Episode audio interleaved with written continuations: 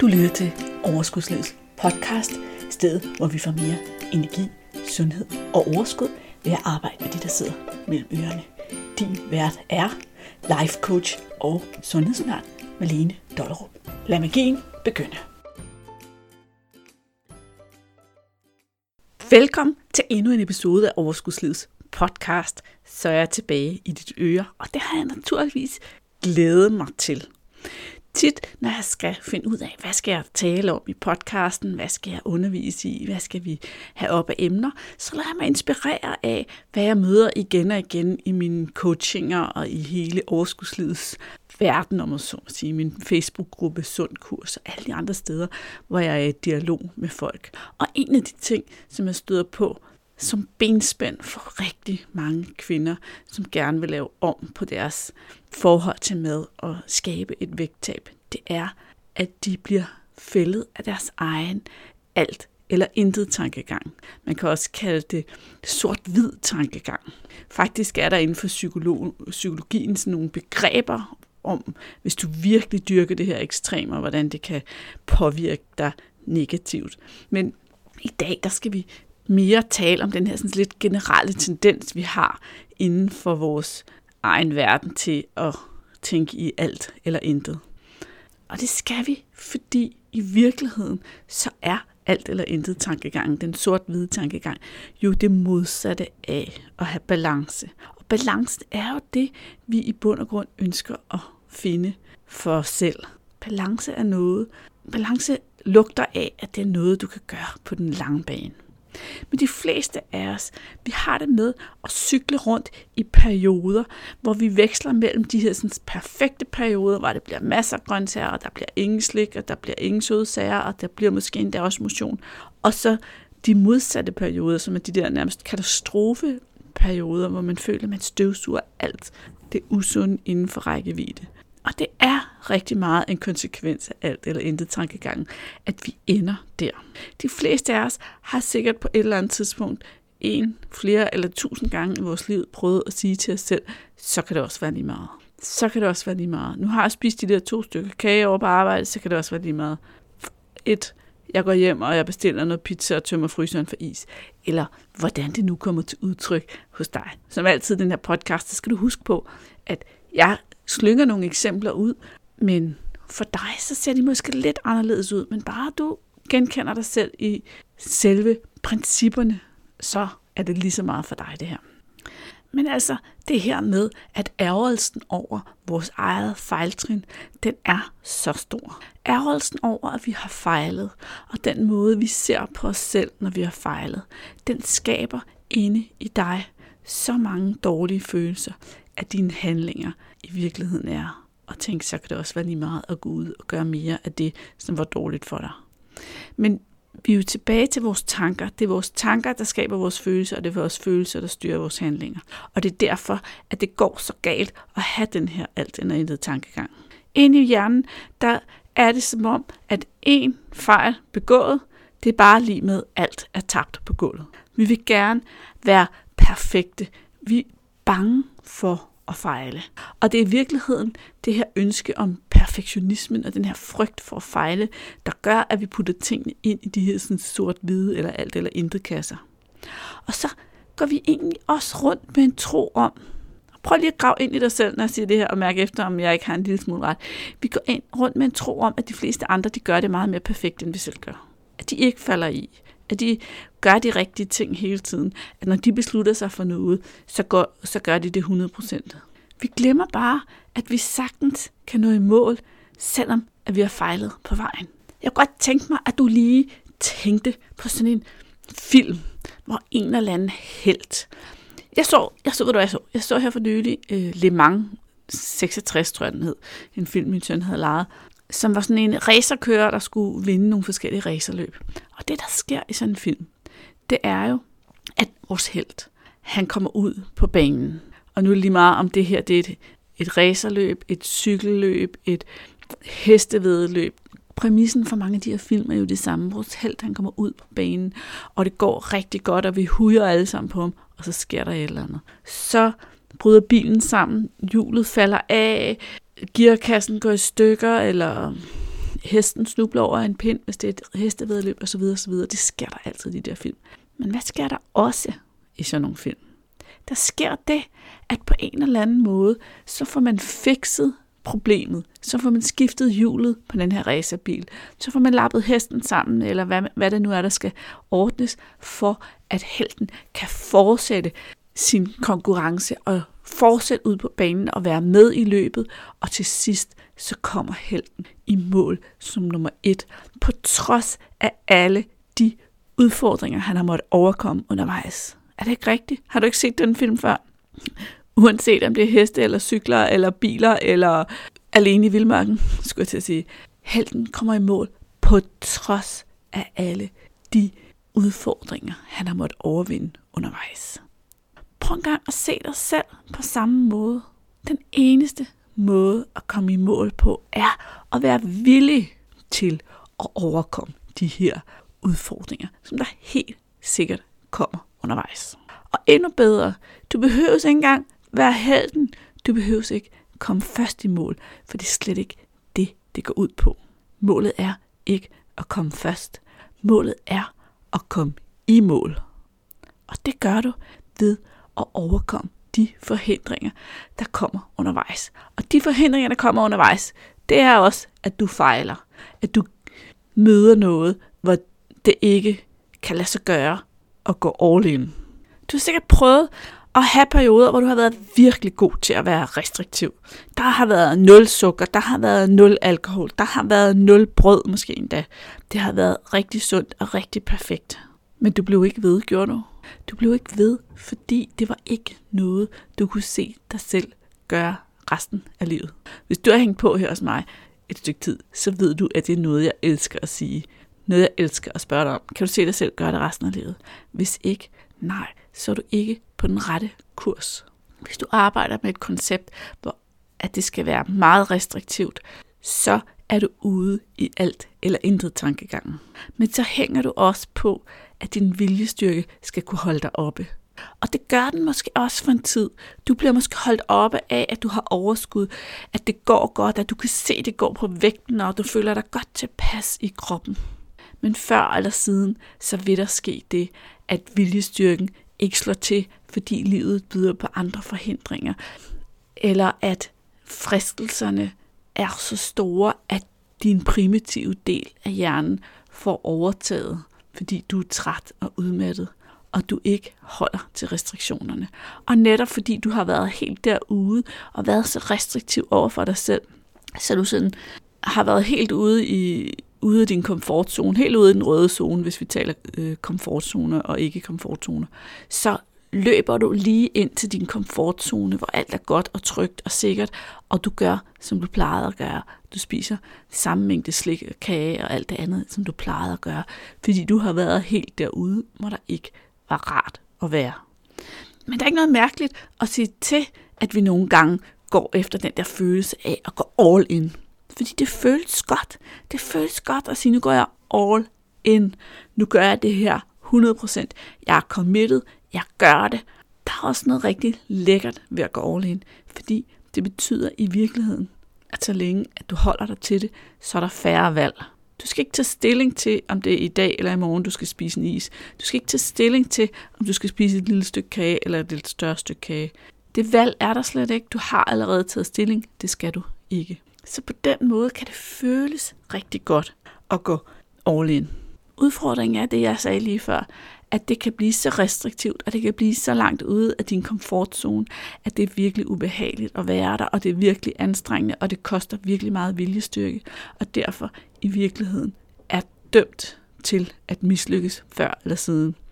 Og når du så er inde i den her vane med at synes, at hvis jeg ikke gør det rigtigt, hvis jeg fejler, så er det hele lige meget, så vil du cykle frem og tilbage i succesoplevelser og fiaskooplevelser. Det er også derfor, at vi i coachingforløb altid arbejder med ændringer, som der føles godt, som der føles rigtigt, som der føles som noget, jeg kan se mig selv gøre på den lange bane. Og på den lange bane kan faktisk godt være, at jeg kan se mig selv gøre lige nu. Det kan være, at jeg lige nu spiser søde sager to gange om dagen hver dag. Det kan det godt være, at vi starter med at kigge på, okay, hvor vil det være nemmest at skrue ned for det? Og så ikke tage os af det andet, og finde ud af, hvad er det for nogle følelser, hvad er det for nogle handlinger, der er i spil i det øjeblik, siden det er så vigtigt for dig at spise søde sager i det øjeblik, eller chips, eller hvad dit drug nu er. Og hvad er det i virkeligheden, du har brug for? Og så begynde at arbejde den vej. Det er også derfor, at vi i et coachingforløb altid vil bruge tid på at snakke om, okay, det her gik ikke efter planen. Hvad kan jeg lære af det? Hvorfor er det okay? Hvordan kan jeg møde mig selv med omsorg og forståelse, når det ikke er gået efter planen? Hvordan kan jeg tænke, så jeg kan gøre det anderledes næste gang? Og hvordan kan jeg skabe regler, som jeg kan leve op til? Alt for mange af os kvinder, vi har det med at lave en masse regler for os selv. Vi har det med at lave så mange regler, at vi faktisk, hvis vi skrev dem op på en liste og kiggede på dem ærligt, godt ville kunne indrømme, at vi godt ved, at vi ikke kan leve op til vores egne regler. Det virker som den perfekte løsning, men hvis du bare det mindste kunne finde på at sige, det her, det burde jeg kunne gøre. Så bing, bing, bing, bing, bing, så vil jeg gerne have alle alarmklokkerne ringer. Hvis du burde kunne gøre noget som helst, så når noget galt. Så kommer det her ord. Jeg har lavet en hel podcast episode, hvor jeg snakker om, hvorfor at burde er et advarselsord, og hvorfor det skal ud af ordforrådet. Vi kan vælge til og fra, men burde kan vi ikke bruge til noget. Og det er en advarselslampe, hvis du siger, at jeg burde godt kunne gøre det her. Du kan have lyst til det, du kan ønske at prøve at gøre det, du kan se det realistisk, du kan mærke det ikke er realistisk, du kan vælge alt muligt, men burde kan du ikke bruge til noget som helst. Det her med at være alt eller intet typen, det her med at være typen, der ser på ting sort-hvid, det er der også noget selvbillede i. Der er også mange af os, der har sådan et selvbillede, men jeg, jeg er typen. Jeg er alt eller intet typen, siger folk som sig selv. Som om det er sådan noget, de ikke kan gøre for. Som om det sådan, sådan er deres personlighed bare. Og udfordringen ved overhovedet for det første at tro på, at ens personlighed bare kan være sådan, og det er ude af din kontrol, det er, at vi altid beviser det, vi tror på. Så hvis vi går rundt og tror på, at man kan være alt eller intet typen, og at det er ude af ens kontrol, så det er det, vi beviser. Men det er ikke ude af din kontrol. Du kan vælge at se anderledes på det. Du kan vælge at tænke anderledes om det. Og det er jo også derfor, jeg har lavet den her podcast-episode, for at du for det første får øjnene op for, hvad er det egentlig, det gør ved dig at være alt eller intet typen. Og hvordan kan du vælge at dreje dit mindset hen imod ikke længere at være alt eller intet øh, typen, ikke længere tænke sort-hvid. Og en af de ting, du kan øve dig i at tænke om dig selv, det er, jeg øver mig i at finde en balance, der virker godt for mig. Balance. Balance som modsætningen til alt eller intet. Og når vi øver os, så betyder det også, at nogle gange så tipper balancen over til den ene side eller til den anden side. Og så skal vi lære det. Jeg kan godt tænke mig, at du lige prøvede at forestille dig, at du havde besluttet, at du skulle bestige et bjerg. Du skal op til toppen. Det er ikke noget kompliceret bjerg, hvor der skal klatre sig alt muligt. Det er sådan en hyggeturistbjerg, hvor der, du ved, der er en sti hele vejen derop, og du vil gerne op til toppen. Du kan forestille dig, Øh, den der, der er en sti, at du tænker sådan ind i dit hoved, den sti, den er rimelig nem at følge. Jeg skal bare følge stien, og når den svinger, så skal jeg svinge, og så skal jeg gå op og op og op, indtil jeg kommer op til toppen. Det kan jeg godt. Og du begynder du tager din rygsæk på, og du har lidt vand og lidt forsyninger med, og du begynder at gå op ad den her sti, og i starten der går det ganske godt med at gå stien. Selvfølgelig går det lidt op bag, og du bliver lidt forpustet, men det havde du også regnet med. Og så når du er et stykke op, så pludselig så ligger der et stort træ, der væltede hen over den her sti. Og det her træ, det er ikke bare sådan en træstamme, du lige kan skrive henover. Du kan godt se, at hvis du skal forbi det her træ, så skal du altså være lidt at finde, som du skal tænke dig lidt om, der skal ske et eller andet, som du ikke lige havde forudset. Nu kan du vælge to ting. Og det vi gør med alt eller intet tankegang, det er, at vi vælger den første. Vi kan nemlig vælge at give op og gå ned til bunden af bjerget igen. Mens vi går ned, så har vi en tankegang. Vi holder en tanke inde i vores hoved. Det er stadigvæk mit mål at nå op til toppen af det her bjerg. Bare ikke lige nu, fordi der ligger lige et træ på stien. Så nu går jeg ned til bunden, og så starter jeg forfra igen senere. Næste gang du går op ad stien, så når du lidt længere, men længere op er der et stykke af stien, der er oversvømmet. Og du kan godt se, at hvis du skal over det her stykke af stien, så vil du få våde støvler, og så skal du gå med våde støvler rigtig langt hen ad stien, og det er nok ikke særlig behageligt. Så du vælger at vende om og gå ned til bunden af bjerget igen, og tænker, jeg skal nok nå toppen. Jeg gør det en anden dag, når der ikke er vand på stien. Kan du se, hvor jeg vil hen? Du kan også gå op ad den her sti, og du møder det her selv samme træ. Og så bliver du op ved det her træ, indtil du har fundet ud af, hvordan kommer du forbi det her træ og følger stien videre. Kan du kravle over det? Kan du gå udenom det? Skal du save nogle grene af? Hvad er det, der skal til, for at du kommer over det træ, der er væltet hen over stien, og kan gå videre hen ad stien op mod toppen? Det er det, vi gør, når vi er balance. Det er det, vi gør, når vi ikke tænker alt eller intet. Det er det, vi gør, når vi er klar til, at der er fejl og udfordringer på vores vej. Prøv så at drage parallellen. Prøv at forestille dig, at du ønsker dig et vægttab. Du ønsker dig en anden krop. Du har en idé om, at din krop skal se ud på en anden måde. Måske skal maven være fladere, måske skal lårene være pænere, måske skal det være nemmere at bevæge sig rundt og tage det her tøj på, du godt kan lide at komme op ad trappen, eller hvad ved jeg. Og du ser det for dig. Det er det som toppen af bjerget. Det er den krop, du gerne vil have. Og når du står her i starten med den krop, du har nu, så forestiller du dig, at vejen dertil er på en bestemt måde. Fuldstændig ligesom med stien op til toppen af bjerget, du forestillede dig, at vejen dertil var på en bestemt måde. Første gang, du følger den her sti, og du møder en kage, som du spiser, fordi du er mega sulten, eller mega træt, eller du ikke har lært endnu, hvad der skal til for at lade være at spise kage og håndtere dine følelser. Hvad gør du så? Løber du ned til bunden af bjerget, der hvor du startede, og siger, at jeg starter forfra en anden dag? Eller går du videre? For det er fuldstændig det samme. De fleste af os, vi løber ned til bunden af bjerget og siger, jeg går op igen en anden dag. Vi spiser kagen, og så siger det er lige meget, jeg går bare tilbage til at være, som det var før, og så starter jeg forfra en anden dag. Eller du kunne vælge, ligesom på bjergbestigningen, og sige, nå, men sket er sket, hvordan kommer jeg videre herfra? Den evne er så værdifuld at have.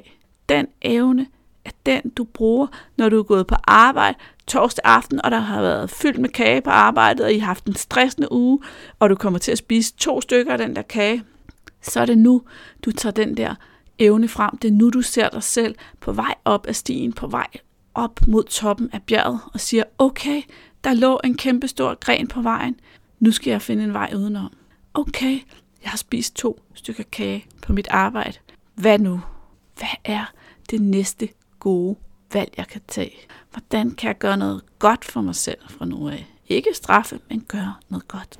En ting, jeg tit snakker med mine klienter om, og som jeg tit siger, at du skal huske, det er det her med, at et hvert valg, du tager, er en ny chance for at tage et godt valg for dig, for din krop, for dit velbefindende. Et hvert valg er en ny chance. Uanset hvor mange dårlige valg du har taget, uanset hvad der er sket for en 10 minutter siden, for en time siden, i går, alle andre dage, så er et hvert valg en ny chance for at gøre det godt. Og prøv at tage den med dig ud, hver gang du støder panden mod din egen alt eller intet tankegang. Sig, hvad kan jeg gøre af gode ting for mig selv og min krop fra heraf? Der lå en gren på vejen, ja, men hvordan kommer jeg videre herfra? Hvordan bliver jeg helten i min egen film? Hvordan bliver jeg hende, der når i mål, uanset hvad livet byder på af forhindringer? Hvordan bliver jeg hende, der ikke hele tiden løber ned til bunden af bjerget og starter forfra? Det er de spørgsmål, du skal stille dig selv igen og igen. Du kan da stille dig selv de spørgsmål hver morgen. Hvad kan jeg gøre godt for mig selv i dag? Hvad for nogle gode valg kan jeg tage? Hvordan bliver jeg hende, der fortsætter i den rigtige retning? Bare det at give sin, sig selv og sin hjerne lidt tid til at sidde og reflektere over det. 3-5 minutter hver morgen. Prøv lige en gang at gøre det. Jeg ved, at du sidder her og lytter med og tænker, at mange af de ting, jeg har sagt til dig i dag, de er ganske logiske, og du har måske hørt dem før. Og ja, ja, jeg ved det godt, men det er rigtig sundt at give sig tid til at reflektere over, at det rent faktisk er sådan, det forholder sig. Og det rent faktisk er en del af problemet, at det er sådan, du har vendet dig til at agere og tænke. Et andet billede, jeg godt kan lide på sort-hvid tankegang, det er den her, det her billede med, at du kører rundt i en dejlig bil ude på vejen, og det går rigtig godt, og så punkterer det ene af de her fire hjul på den her bil. Og så bliver du simpelthen så frustreret over, at nu når du ikke frem til det sted, du skal hen til i tide, så du siger, så kan det også være lige meget, og så løber du ud, og så flænser du alle de tre andre dæk, så de er fuldstændig ødelagte, fordi nu kan det også være lige meget. Det er alt eller intet tankegang i sin mest fjollede ekstreme form. Men det er i virkeligheden det, du gør hver eneste gang, du kaster håndklædet i ringen, fordi at du er faldet i, og nu laver jeg gåse tegn, som man selvfølgelig ikke kan se i en podcast. Men det er det, du gør. Du løber ud og punkterer de andre fire dæk i stedet for, eller tre dæk, i stedet for at finde ud af, hvad er det, der skal til, for jeg kommer videre herfra. Og så på et tidspunkt, når du når dertil, så kan det selvfølgelig være på sin plads at finde ud af, hvad er det egentlig, der trigger mig? Hvad er det egentlig, der trigger, at jeg, at jeg møder træerne på vejen, at der ligger vand på min sti, at jeg fejler? Og kan jeg handle på det? Fordi så begynder du pludselig at kunne blive nysgerrig på forhindringerne på din vej, og lære af dem og komme videre derfra. Jeg fik lyst til at sige til dig, at jeg har netop lavet en videoserie på syv korte videoer på Overskudslivets Facebook-side, som hedder syv fejl, du skal forsøge at undgå, hvis du gerne vil opnå et vægttab, der holder på den lange bane. Og en af de her sådan, videoer, der taler jeg også om det her med, at vi ønsker os at være perfekte, og at perfektionismen i sig selv spænder ben for, at vi kan skabe noget vejet, netop fordi at den spænder ben for balancen. Og det er jo i virkeligheden en anden vinkel på det, jeg har snakket om i dag. Hvis du har lyst til at se de syv korte videoer, og de er altså helt ned til tre minutter, så det er sådan forholdsvis overkommeligt, så skal du gå ind på Overskudslivets Facebook-side, og over i venstre side, så kan man vælge videoer. Og der har jeg samlet de syv videoer i sådan en serie, så når man klikker på fejl 1 af 7, så spiller den, og den er færdig, så spiller nummer 2 og 3 og 4 5 og 6 og 7 faktisk. Hvis du allerede er på min mailliste, så skulle de gerne ligge i din indbakke.